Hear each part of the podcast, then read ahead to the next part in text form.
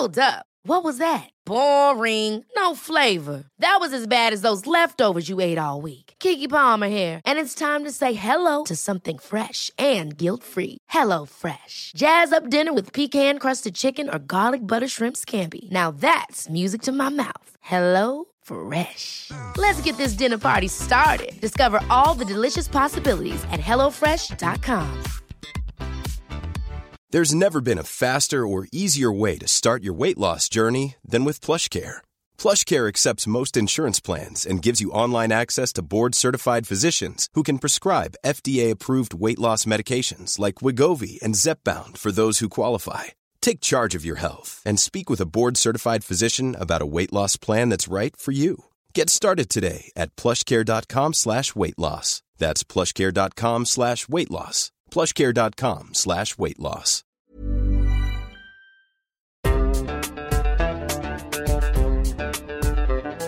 بودكاست صوت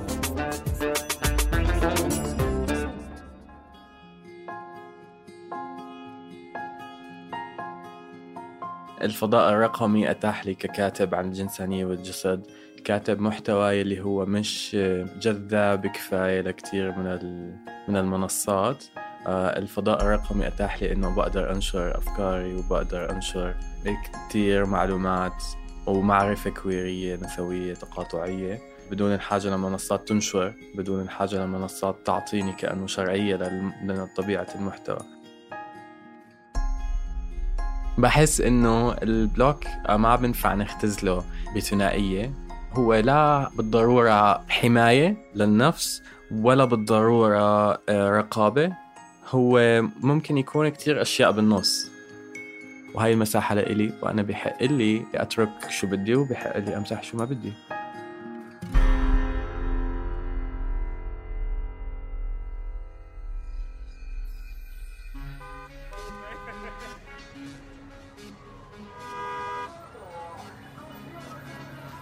كيف منتحرك في مدننا وبيوتنا وشوارعنا؟ شو اللي بيحد من حركتنا؟ وشو اللي بيسهلها؟ أنا راما سبانخ بقدم لكم بودكاست عيب بموسمه الثامن من إنتاج صوت. بهالموسم رح نستعرض قصص لناس عم بيحاولوا يتحركوا بحرية رغم كل المعيقات اللي بتقيدهم باسم العيب.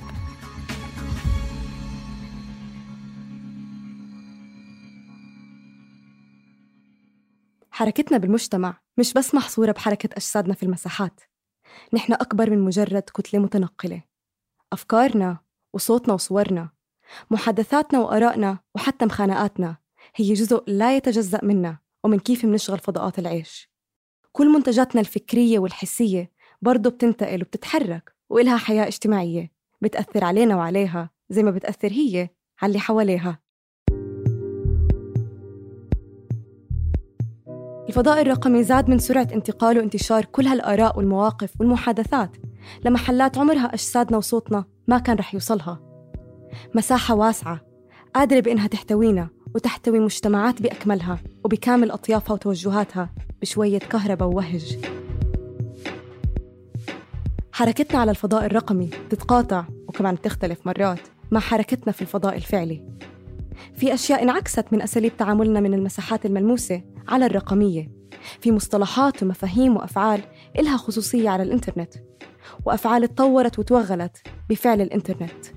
في ثقافة كاملة تكونت بس على الإنترنت لكيف منحكي ومنحمل أنفسنا هناك.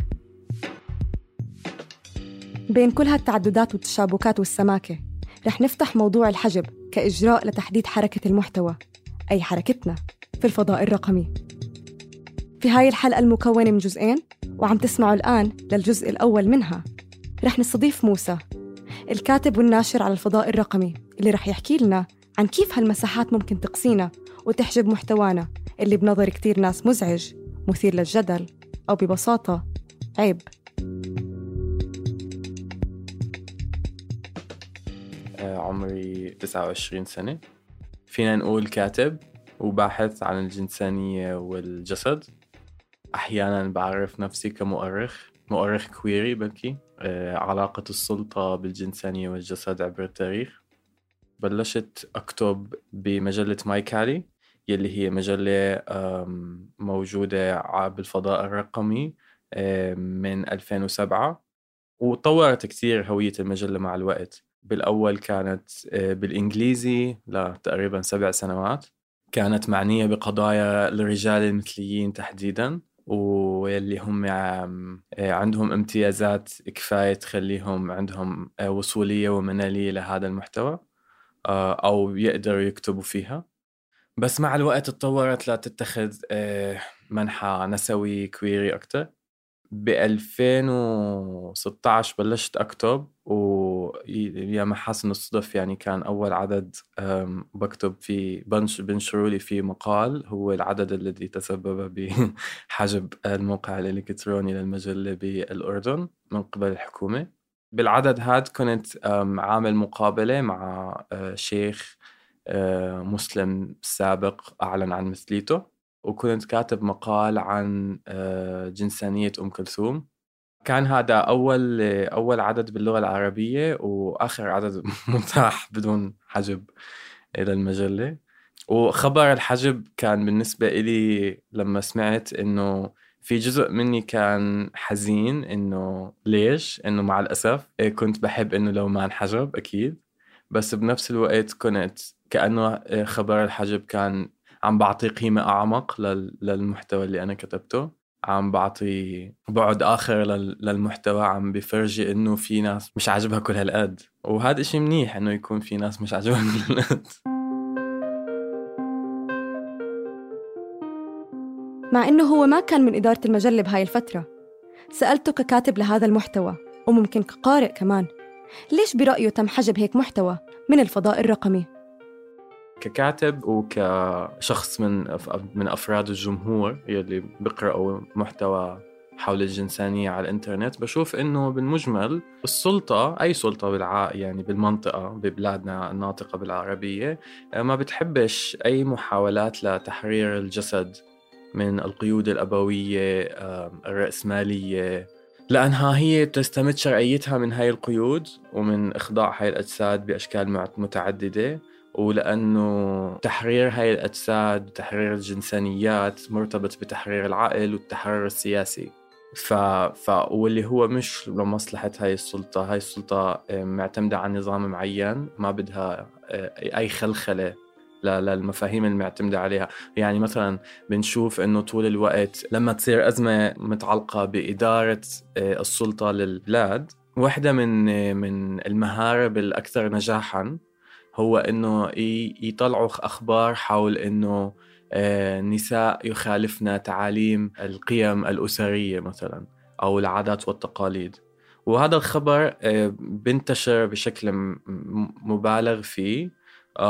للتغطية على الفساد أو للتغطية على آه، سوء الإدارة أو للتغطية على أي شيء بحس إنه مش لمصلحة أي سلطة من السلطات اللي موجودة ببلادنا. إنه هاي الأمور تبطل إلها كل هذا الذعر الاجتماعي الأخلاقي لأنه بالآخر بدهم يلاقوا بدهم يكونوا مبدعين ويلاقوا وسائل أخرى للتغطية على الفساد. فليه؟ الحجب أسهل. السلطة لعبت دور الرقيب لأنه البنى اللي انتقدها موسى هي اللي بتخلي السلطة تضلها سلطة وتكمل توغلها وهيمنتها على الناس. السلطة بتستمر بفبركة رضا الناس. ونظرتهم على العالم. بتهندس شو بصير نشوف وشو ما بصير نشوف. ليتوازى مع استمراريتها وبقائها كما هي وديمومة الوضع الراهن. بس السلطة مش المستوى الوحيد من الحجب. هي الأقرب لإلنا جيوسياسيا صح؟ وبتحتك معنا بحكم وجودها حوالينا وكل يوم. بس المنصات الرقمية نفسها اللي منتواصل عليها اجتماعيا برضه بتلعب دور الرقيب. ومرات بتحجب شو بدنا نحكي ونقول على الفضاء. شو نوع المحتوى ومين بيملكه؟ هل الناقد لازم يكون عضو مادي في شراء المحتوى وقولبته في شكله الرأسمالي؟ شو بيعمل هالشي لحركتنا على الفضاء الرقمي؟ سألت موسى عن تجربته كناشر مستقل لمقاطع فيديو نقدية بمبادرته سينمجي اللي بيستعمل فيها مقاطع من أفلام ليغذي جمهوره بنظرة جديدة عنها ويحطها بسياقها السياسي سينمجي هي فكرة من 2016 نفس السنة اللي صار فيها الحجب سنمجي هي مبادرة آه، كويرية نسوية تقاطعية آه، بتهتم بالسينما العربية. بتحاول تقدم نقد آه، سينمائي كويري نسوي لأرشيف السينما العربية وكيف السينما العربية بتاريخها صورت الجسد والجنس. ب 2018 قررنا إنه بدنا بدنا نشارك اللي مضمون النقاشات مع مع العامة من خلال العالم الرقمي. فقررنا إنه بدنا نعمل فيديوهات نجمع ونكثف فيها كل النقد اللي بيطلع معنا بالنقاشات ونحطه بفيديو واحد مع مشاهد من الأفلام اللي عم نحكي عنها. فمثلا كيف شخصية الامرأة يلي بتكون متحررة جنسيا. المخرج آه، أو الرقابة تجبر المخرج على أنه يقتلها أو يتخلص منها بنهاية الفيلم. سواء سيارة تدعسها أو آه، أهلها يجوا يغسلوا العار بين أقواس أو إنها آه، تنجلط وتموت أو أو أو أو أو بأي طريقة من الطرق. واللي هو هذا إشي مأخوذ من السينما الأمريكية زمان. كانوا المخرجين هيك يعملوا مع الشخصيات غير الأخلاقية بين أقواس. هلأ الإشكالية كانت إنه لما عم ننشره بالمنصات المختلفة بالفضاء الرقمي على ال social media مثلا يوتيوب كتير بي بيركز على حقوق الملكية الفكرية واللي هو إشي جيد جدا. بالمناسبة يعني أنا إشي بأيده إن لأنه حقوق الفكرية إشي كتير مهم ونحن بأغلب الوقت بنتجاهلها وبننتهكها وهذا إشي سيء. بس مجرد ما نحن عم بنحط مشاهد من هاي الأفلام نحن مش عم بنحطها لأنه نحن سارقين هاي المشاهد آه علشان بدنا نعمل آه مشاهدات أو بدنا نعمل في إطار نقدي لاستحضار هاي المشاهد بفيديوهاتنا يلي يوتيوب ما كان عم بفهمه. وكأنه بالآخر بتصفي آه حقوق الملكية الفكرية إشي آه أبوي ذكوري طبقي لما يوتيوب يحطوا بهذا السياق. وفي كتير فيديوهات مثلا كانت إنه عم بتوصل مليون مشاهدة بعدين يوتيوب بيبعت لنا إنه آه صاحب واحد من الفيديوهات بالفيديو وصاحب واحد من الأفلام حقوق الفكرية لواحد من الأفلام بالفيديو. مثلا ما عجبه الفيديو. فبدكم تمسحوه أو اليوتيوب بده يعمل له حظر أو بنقام المشهد من الفيديو الكامل اللي نحن حاطيه فبيخربط السياق اللي نحن كنا عامليه من خلال المشاهد. تعرض محتوى للحجب على اليوتيوب اضطروا يدور على منصة تانية ممكن ما تحجبه ويضله قادر يوصل للناس. انتقلنا لفيسبوك أول إشي. لما انتقلنا لفيسبوك كان في إشكالية تانية طلعت. فيسبوك ما بيشتغل بنفس الطريقة مع حقوق الملكية الفكرية بيشتغل أكتر مع شروط المحتوى تبعه الآمن. جزء من هاي الشروط مثلا العنف الجنسي ما بيطلع. فمرة من المرات كنا عاملين كيف العلاقات الجنسية الحميمية بين النساء بالسينما العربية آه، توضع بسياق أنها علاقات مبنية على تحرش واستغلال واغتصاب و و و. من خلال مثلا أفلام آه، من الستينات من السبعينات من الثمانينات من التسعينات إنه عبر فترة زمنية طويلة يلي بيفرجي إنه هذا نمط عند المخرجين. وكنا عم بنحط المشاهد هاي علشان نفرجي إنه نحن مش عم نفتري على المخرجين. هاي المشاهد موجودة وإنه نحن عم نعترض على هاي المشاهد. آه، في فيسبوك قرر إنه هذا عنف جنسي وما بينفع ينعرض على على الصفحة. ولا لا سكر لنا حجب الفيديو. وتواصلنا مع فيسبوك وتواصلنا مع Front Line Defenders عشان يحكوا مع فيسبوك وحكوا مع فيسبوك وفيسبوك قرر بالآخر إنه لا ما حتى لو أنتم ضده ما هاي هيك شروطنا وهيك نحن بنشتغل. فبالآخر بصفي إنه كيف ممكن شروط وتعليمات ومعايير معينة بمنصات التواصل الاجتماعي هاي يلي بتفكر إنها هيك عم بتخلي حالها أكثر امانا أو هيك بتخلي حالها مثلا نسوية بلكي هو فعليا بتسكت أصوات نسوية وبتسكت أصوات كبيرية عم بتحاول تنتقد العنف الجنسي وعم بتحاول تخلي العالم كله مش بس فيسبوك آه، أكثر امانا. عم بتحاول تخلي السينما والمخرجين يطلعوا على هاي الأشياء بطريقة مختلفة. يعني أنا مش ضد هاي المعايير بس أنا مع إنه إن نطلع على روح هاي المعايير ليش انحطت مش بس تنفيذها زي الببغاء.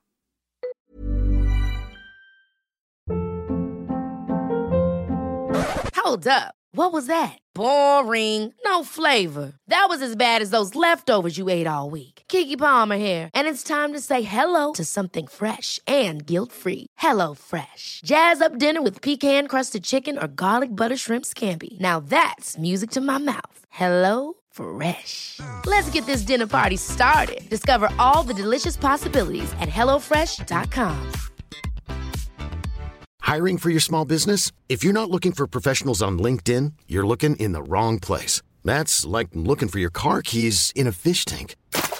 LinkedIn helps you hire professionals you can't find anywhere else, even those who aren't actively searching for a new job but might be open to the perfect role. In a given month, over 70% of LinkedIn users don't even visit other leading job sites. So start looking in the right place. With LinkedIn, you can hire professionals like a professional. Post your free job on linkedin.com slash achieve today.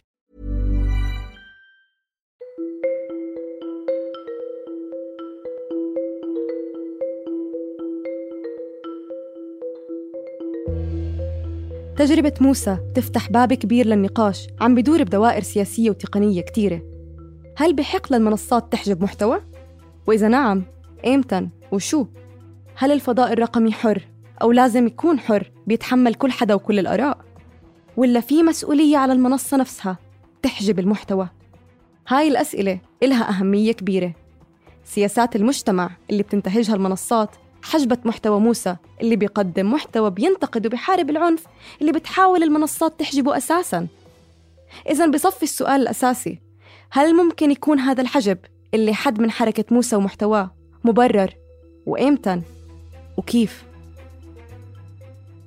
أنا بشوف إنه البلوك ممكن يكون أو الحظر ممكن يكون آه، مبرر بسياقات معينة حتى لو كان نابع عن كيان أو دولة أو مؤسسة.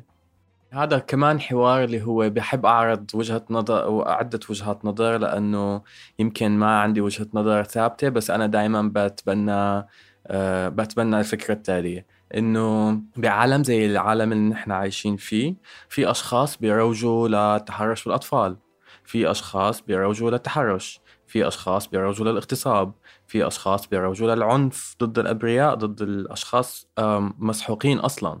في أشخاص يعني في كثير نوعية أفكار موجودة بالعالم الافتراضي بتروج لها مش المفروض ينسمح لها إنه تكون موجودة. لأنها هاي مش حرية تعبير هاي هون في تحريض على الاعتداء على ناس. والتحريض مش مفهوم ولا مبرر ولا ضابط ولا راكب ولا كل أي شيء من هدول. فبحس إنه من واجب الأشخاص اللي ماسكين آه، راية الأمن والأمان والحماية وما بعرف شو وهاي المسؤولية الكبيرة إنه آه، ينفذوها في الفضاء الرقمي. بس هون بصفي السياق شو بالضبط؟ يعني هل هذا هل هذا الحظر عن جد مدفوع بقيم ومبادئ نسوية وكويرية وإنسانية ومناهضة للعنصرية ومناهضة للاحتلال ومناهضة ل... للطبقية فعلا. آه، ومع حرية البني آدمين. وحقهم بالأمن والسلامة. أم هو لتصفية حسابات سياسية أو هو آه، بس لأنه هذا الشخص مش عاجبني. ها بالسياق هو اللي بيحدد. في أشخاص بيقولوا إنه آه، وأغلب الوقت بخوض معهم هذا النقاش بتكون هاي الفكرة موجودة اللي هي إنه لا مش من حق حدا آه، مش من حق حدا يمنع أو يعمل رقابة. وهذا شوي بخوفني يعني. أنا بفهم من وين جاي. بفهم إنه المفروض نحن نبني مجتمعات واعية تقدر تحدد شو وجهة النظر اللي تشهرها وتتابعها وتروج لها وشو لا. آه، بس هذا شوي مثالي على وين نحن عايشين. يعني آه بتمنى نوصل لهذاك المحل اللي عن جد ما بنحتاج لأي جهاز رقابة عشان نحس بالأمان. بس إلى ذلك اليوم وإلى تلك اللحظة آه، بحس إنه لا في في مسؤولية على على السلطة. هي ما بتعملها على فكرة. وما بتخيل رح تعملها بالوضع الحالي لبلادنا يعني. بس في مسؤولية عليها إنه نحن نكون حاسين بالأمان لما نكون موجودين بالفضاء الرقمي أو حتى بالعالم الحقيقي. مع إنه نفس القوانين ممكن تحجب محتواك. هل بتشوف إنه هاي مساومة ممكن أنت تأخذها؟ يا ريت والله يا ريت إذا نفس اللي عم بيحجب محتواي يحجب. الأشياء الثانية أنا بوافق. أنا بتبرع إنه يحجب كل محتواي بس يحجب كل المحتوى يلي بيعرض أشخاص للخطر. كل المحتوى اللي فيه ابتزاز وفيه وما يحجبش محتوى حرية الرأي الحقيقي اللي بينتقد السلطة مثلا. إذا هاي هي ضريبة إنه إنه عن جد نعيش ببيئة حرة وآمنة آه افتراضيا أنا مستعد أضحي بكل محتواي وأمسح الفيسبوك وأمسح الإنستغرام وتمام. هيك راح أكون مبسوط. أصلا ببطل في إشي أنقده. أنت فاهمة علي؟ ببطل في حاجة لوجودي بالمساحة الرقمية بهذا الشكل. يعني آه فآه ليه لا؟ تمام. حجب هذا المحتوى على الفضاء الرقمي ما بيحد من انتشاره وبس. بالأخير بصير صانع المحتوى وكاتبه يفكر مرتين. يراقب حاله ينتبه شو بيحط ووين. طبعا هذا عنصر أساسي ولازم يكون موجود من إنتاج أي رسالة إعلامية أو عامة. بس المشكلة بتصير لما حتى لو هذا المحتوى مناهض للتمييز على سبيل المثال طريقة عرض التمييز الموجودة بتصير محتاجة لتمييع أو تخفيف أو حتى عدم عرض كلياً. مع إنه قساوة المشهد ما بتحتاج لمنصة تعرضها عشانها موجودة وين ما نتلفت في حركتنا في الفضاء الملموس. بصير تقطير هالأفعال بحاجة لحذف وتغطية عليها عشان يقدر هذا المحتوى يعيش في العالم الرقمي. مية بالمية في رقابة ذاتية على المحتوى آه وهون عم بحكي باسم سنمجي بلكي. آه لأنه آه صراحة تعبنا كتير آه قد ما قصة الحقوق الملكية الفكرية ومثلا إنستغرام كمان عم بيطور آه، معايير متعلقة بحقوق الملكية الفكرية اللي عم بيحذف مشاهد من الفيديوهات اللي عم بنحطها آه، عم نشتغل عليها. فقررنا إنه ننتقل لمحل تاني اللي هو الأشخاص يطلعوا بوجوههم بيحكوا النقد. بما إنه نحن عاجزين صرنا إنه نحط مشاهد من الفيلم عشان نفرجيهم شو بالضبط عم ننقد. بيقلص قد إيه ممكن نبدع بكيف ننقد كيف نقدم نقد نسوي queer تقاطعي آه، الجمهور بقدر يتفاعل معه أكثر في حاجة اسمها block. عارفاها؟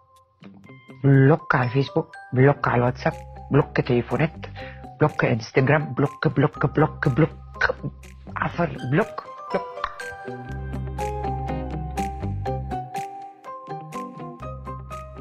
الحديث لهلا كان عم بيتعمق بتجربة موسى في الفضاء الرقمي بصفته المؤسسية. يعني الحجب ما كان على الشخص موسى بل على منصات وفيديوهات موسى عم ينشر معها وعليها. كان الحجب من دولة على كل الموقع أو منصة عالمية على صفحة مشروعه أو مقطع محمل عليها. بس تجربة موسى مع تعرضه للحجب بتتجاوز هاي الأصعدة. موسى شخصياً بصفته الشخصية تعرض للحجب من هاي المنصات. ذكر معي هون تجربته مع فضاء تويتر والحركة فيه بصفته ناشط سياسي. سمعت منه كيف كان بيحس لما كان بيطوف هذا الحيز وعن القصة والأسباب اللي أدت لإلغاء حسابه وحجب محتواه الشخصي. تويتر آه، مساحة بحسها كتير فيها تقييد. مش مش مش منصة التواصل الاجتماعي المفضلة عندي ما بحبش إنه أنا متقيد بعدد كلمات معين علشان أقول رأيي بحس دائما في اختزال للرأي وطول الوقت الاختزال بيعمل لي مشاكل لأنه بالآخر إنه أنا عم بحاول أستفيض بشرح شو شو بحس أو شو بفكر تجاه قضية معينة وتويتر بيجي بيحكي لي إنه معك ما بعرف قد إيه حرف عشان تحكي كل شيء عندك. بس بأثناء الثورة العراقية كان عم بيصير قتل بالشارع للمتظاهرين وللثوار والثائرات وكان في حجب للإنترنت بالبلد. فكانت الفيديوهات عم تتسرب من العراق وكان في مناشدات من الناس اللي بالشارع إنه يفرجوا العالم شو عم بيصير. وتويتر كان المكان الأنسب لهذا الإشي وكل ناشطين عليه والفيديوهات عم تنشر هناك.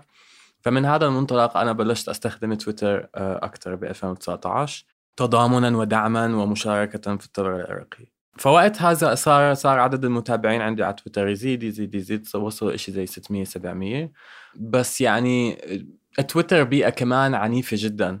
بحس أنا ال- ال- التطبيقات هاي تاع التواصل الاجتماعي أو منصات التواصل الاجتماعي كل وحدة فيها مصممة بطريقة تسمح أو ما بتسمح بعنف معين. هيك مجرد تصميمها مجرد شكلها كيف التعاطي بينها وبين المستخدم أو المستخدمة بيخليها في مك في في منصات فيها عنف أكثر من الثانية واللوم مش على الناس اللوم على تصميم التطبيق نفسه. فتويتر في عنف كتير عالي أعلى من المنصات الثانية وفي حدية بني آدم زيي مثلا ما بي ما بيطبل لأي سلطة بالمنطقة إيه، صعب يكون موجود على تويتر. آه، خصوصي إنه ال- الحساب صغير عدد المتابعين مش كتير فبتهيألي إنه الذباب الالكتروني اللي كتير كان بيدخل على الحساب وبيعمل comments اللي هي تعليقات كتير متشابهة كتير واضح إنها copy paste كتير الصور اللي موجودة على ال- الحسابات صور ال- ال- الحسابات نفسها بتفرجي انتماءات معينة. فكان عدد ال- الإبلاغات اللي بتصير كانت على تويتر ضد حسابي كبيرة. وهذا خلى تويتر يسكروا يحجبوا أكثر من مرة الحساب لفترات طويلة نوعا ما. ما بعرف ما كانوا حتى يحكوا لي قد إيه فترة الحجب. إنه خلص ما بحاول بحاول بحاول ما بزبط. فبتركه مثلا بعد ست أشهر برجع بفوت بيطلع شغال. إنه off وبيطلع شغال بس لما بكتب تويتة الأشخاص اللي عاملين لي متابعة عامة ما بتطلع عندهم. وكمان تواصلت مع Front Line Defenders أكثر من مرة عشان يفهموا إيش عم بيصير عشان إذا بيقدروا يرجعوه وما كان عن جد الموضوع بنفع يعني رجعوه أكثر من مرة بتهيألي ورجع انحجب وهيك بضل ذهابا وإيابا. وهيك ببطل الحجب بس من المنصات والدول بل بيصير من جهات وأشخاص كمان اللي بيزيد من تعقيد قيد الفضاء الرقمي وبكثف منه بدوائر تانية. يعني ببساطة مش بس الدولة ولا يوتيوب ولا إنستغرام ولا تويتر اللي بيحجبوا موسى أو محتواه بل كمان أفراد مؤثرين برسموا حيطة وحدود حواليهم بكبسة البلوك. راغب عن عمل لي حجب. راغب كان عم بنتقد سعد الحريري فأنا كتبت له تعليق زي إنه تخليت عن صاحبك أو إشي زي هيك فعمل لي حجب. ما بعرف ليه هاي الحساسية مع إنه يعني الكل بيعرف إنه هم أصحاب. ومرة اللطيفة التونسية كانت منزلة فيديو إنها بتحكي إنه مصر متطورة ومتقدمة وهذا.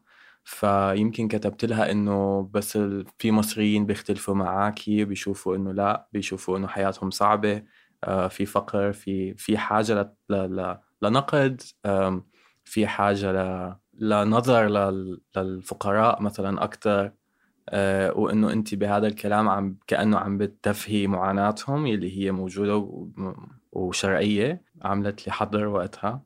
فإنه كنت أنا بنبسط صراحة إنه بس حدا زي هيك مشهور بيعمل لي حظر بحس إنه بمحلات معينة إنه منيح. يعني بفرجي إنه النقاش انتهى. هذا النوع من الحظر بعطيني زي خاتمة أو التئام للنقاش أو لل... للطوشة أو اللي كانت بتدور بيني وبين هذا الكيان أو هذا الحدا اللي بيمثل آه، إشي أكبر من فرده.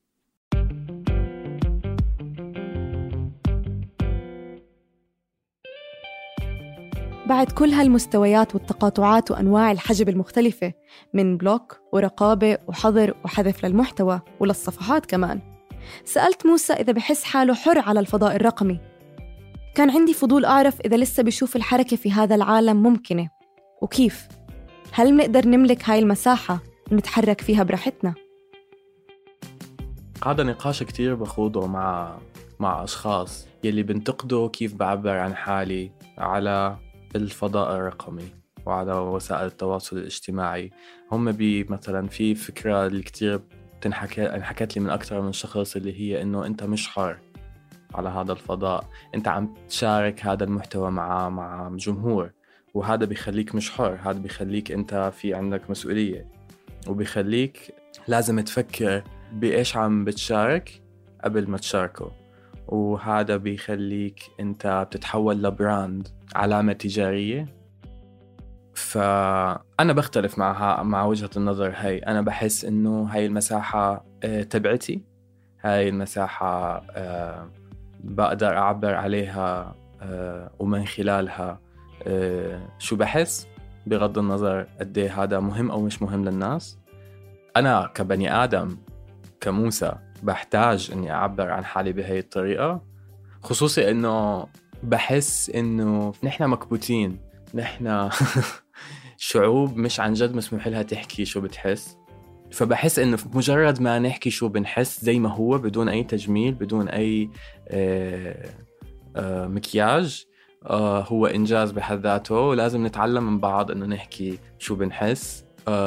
وكمان نتقبل شو التانيين بيحسوا وكيف بيعبروا عن حالهم. هذا هذا كمان صعب كثير إنه نتقبل. أحيانا مثلا كثير بواجه حتى بالحياة العادية يعني بعيدا عن كل ال social media وهيك أحيانا إنه بطلب من الناس يكونوا صريحين معي بس لما بيكونوا صريحين معي بحس إنه اف كيف رح أتعامل مع هاي الصراحة هلأ؟ هذا كمان صعب. شو بيصير لو عكسنا العلاقة؟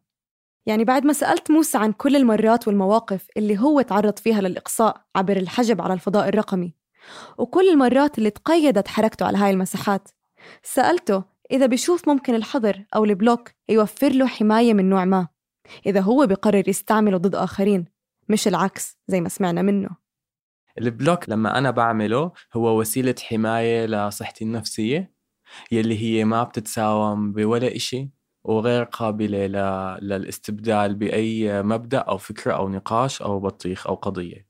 آه، بالنهاية وظيفتي أنا كحدا بيناضل من أجل أفكار إنه أحمي حالي بالأول أحمي عقلي اللي بفكر. إذا ما حميت عقلي اللي بفكر فيش فايدة من كل الحكي الفاضي اللي ممكن نحكيه بحس إنه أي حدا هاي هي القاعدة أي حدا بيستفزني أو بحس إنه نيته مش صافية تجاه الإشي اللي عم ببعته هدول الأشخاص اللي ما بعرفهم يعني ببعتوا لي بحس إنه ال block هو الجواب المناسب. أحيانا التطنيش بس يعني ال block أحلى. بحس إنه ال block ما بنفع نختزله بثنائية لأن ثنائية إشي أبوي وذكوري بس هو لا بالضرورة حماية للنفس ولا بالضرورة آه، رقابة. هو ممكن يكون كتير أشياء بالنص. أنا شخصيا بحس إنه جزء منه يعني حسب السياق تبعه جزء منه حماية إذا كان بالرسائل الاستفزاز أو الهجوم تم آه، وجزء منه آه، رقابة إذا كان بالتعليقات لأنه هون الشخص أو الشخصة قرروا إنه يكونوا قدام الكل موجودين. كاتبين هذا الرأي يلي فيه تحريض أو في في إشي أنا مش مقتنع فيه ببساطة شديدة. وهي المساحة لإلي وأنا بحق لي بحق لي أترك شو بدي وبحق لي أمسح شو ما بدي. وهاي الجزئية بالتحديد رح تكون موضوع الجزء الثاني من هاي الحلقة اللي مختصة بالبحث عن مساراتنا الرقمية وحدودها وأسقفها وأخلاقياتها وأدواتها الإقصائية.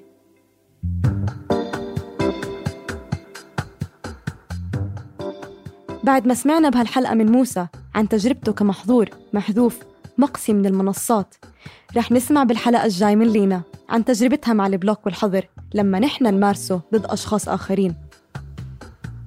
يعني نتعمق بتجربة فرضنا لقيود على فضاءاتنا والذوات الرقمية اللي بتحيط فينا مش تنفرض علينا من الدولة أو شركة أو حتى شخص.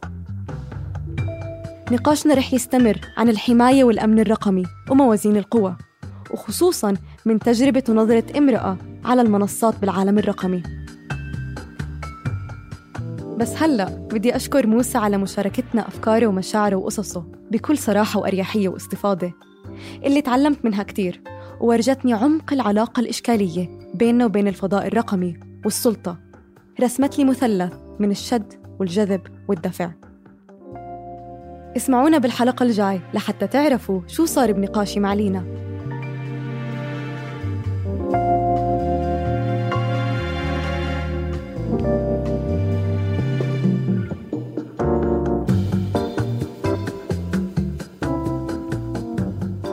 كنا معكم من الإعداد الكتابة والتقديم راما سبانخ من التحرير صبرين طه من هندسة الصوت محمود أبو ندى ومن النشر والتواصل مرام النبالي وبيان حبيب. ما تنسوا تشتركوا بقناة عيب على تطبيقات البودكاست لحتى توصلكم تنبيهات الحلقات الجديدة. بودكاست عيب من إنتاج صوت.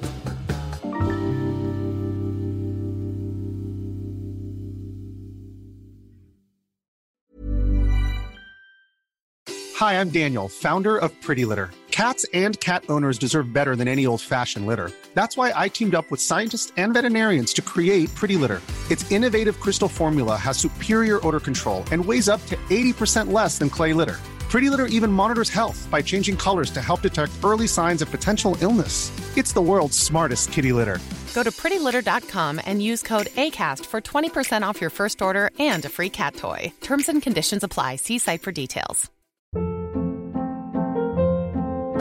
Hold up. What was that? Boring. No flavor. That was as bad as those leftovers you ate all week. Kiki Palmer here, and it's time to say hello to something fresh and guilt-free. Hello Fresh. Jazz up dinner with pecan-crusted chicken or garlic butter shrimp scampi. Now that's music to my mouth. Hello Fresh. Let's get this dinner party started. Discover all the delicious possibilities at hellofresh.com.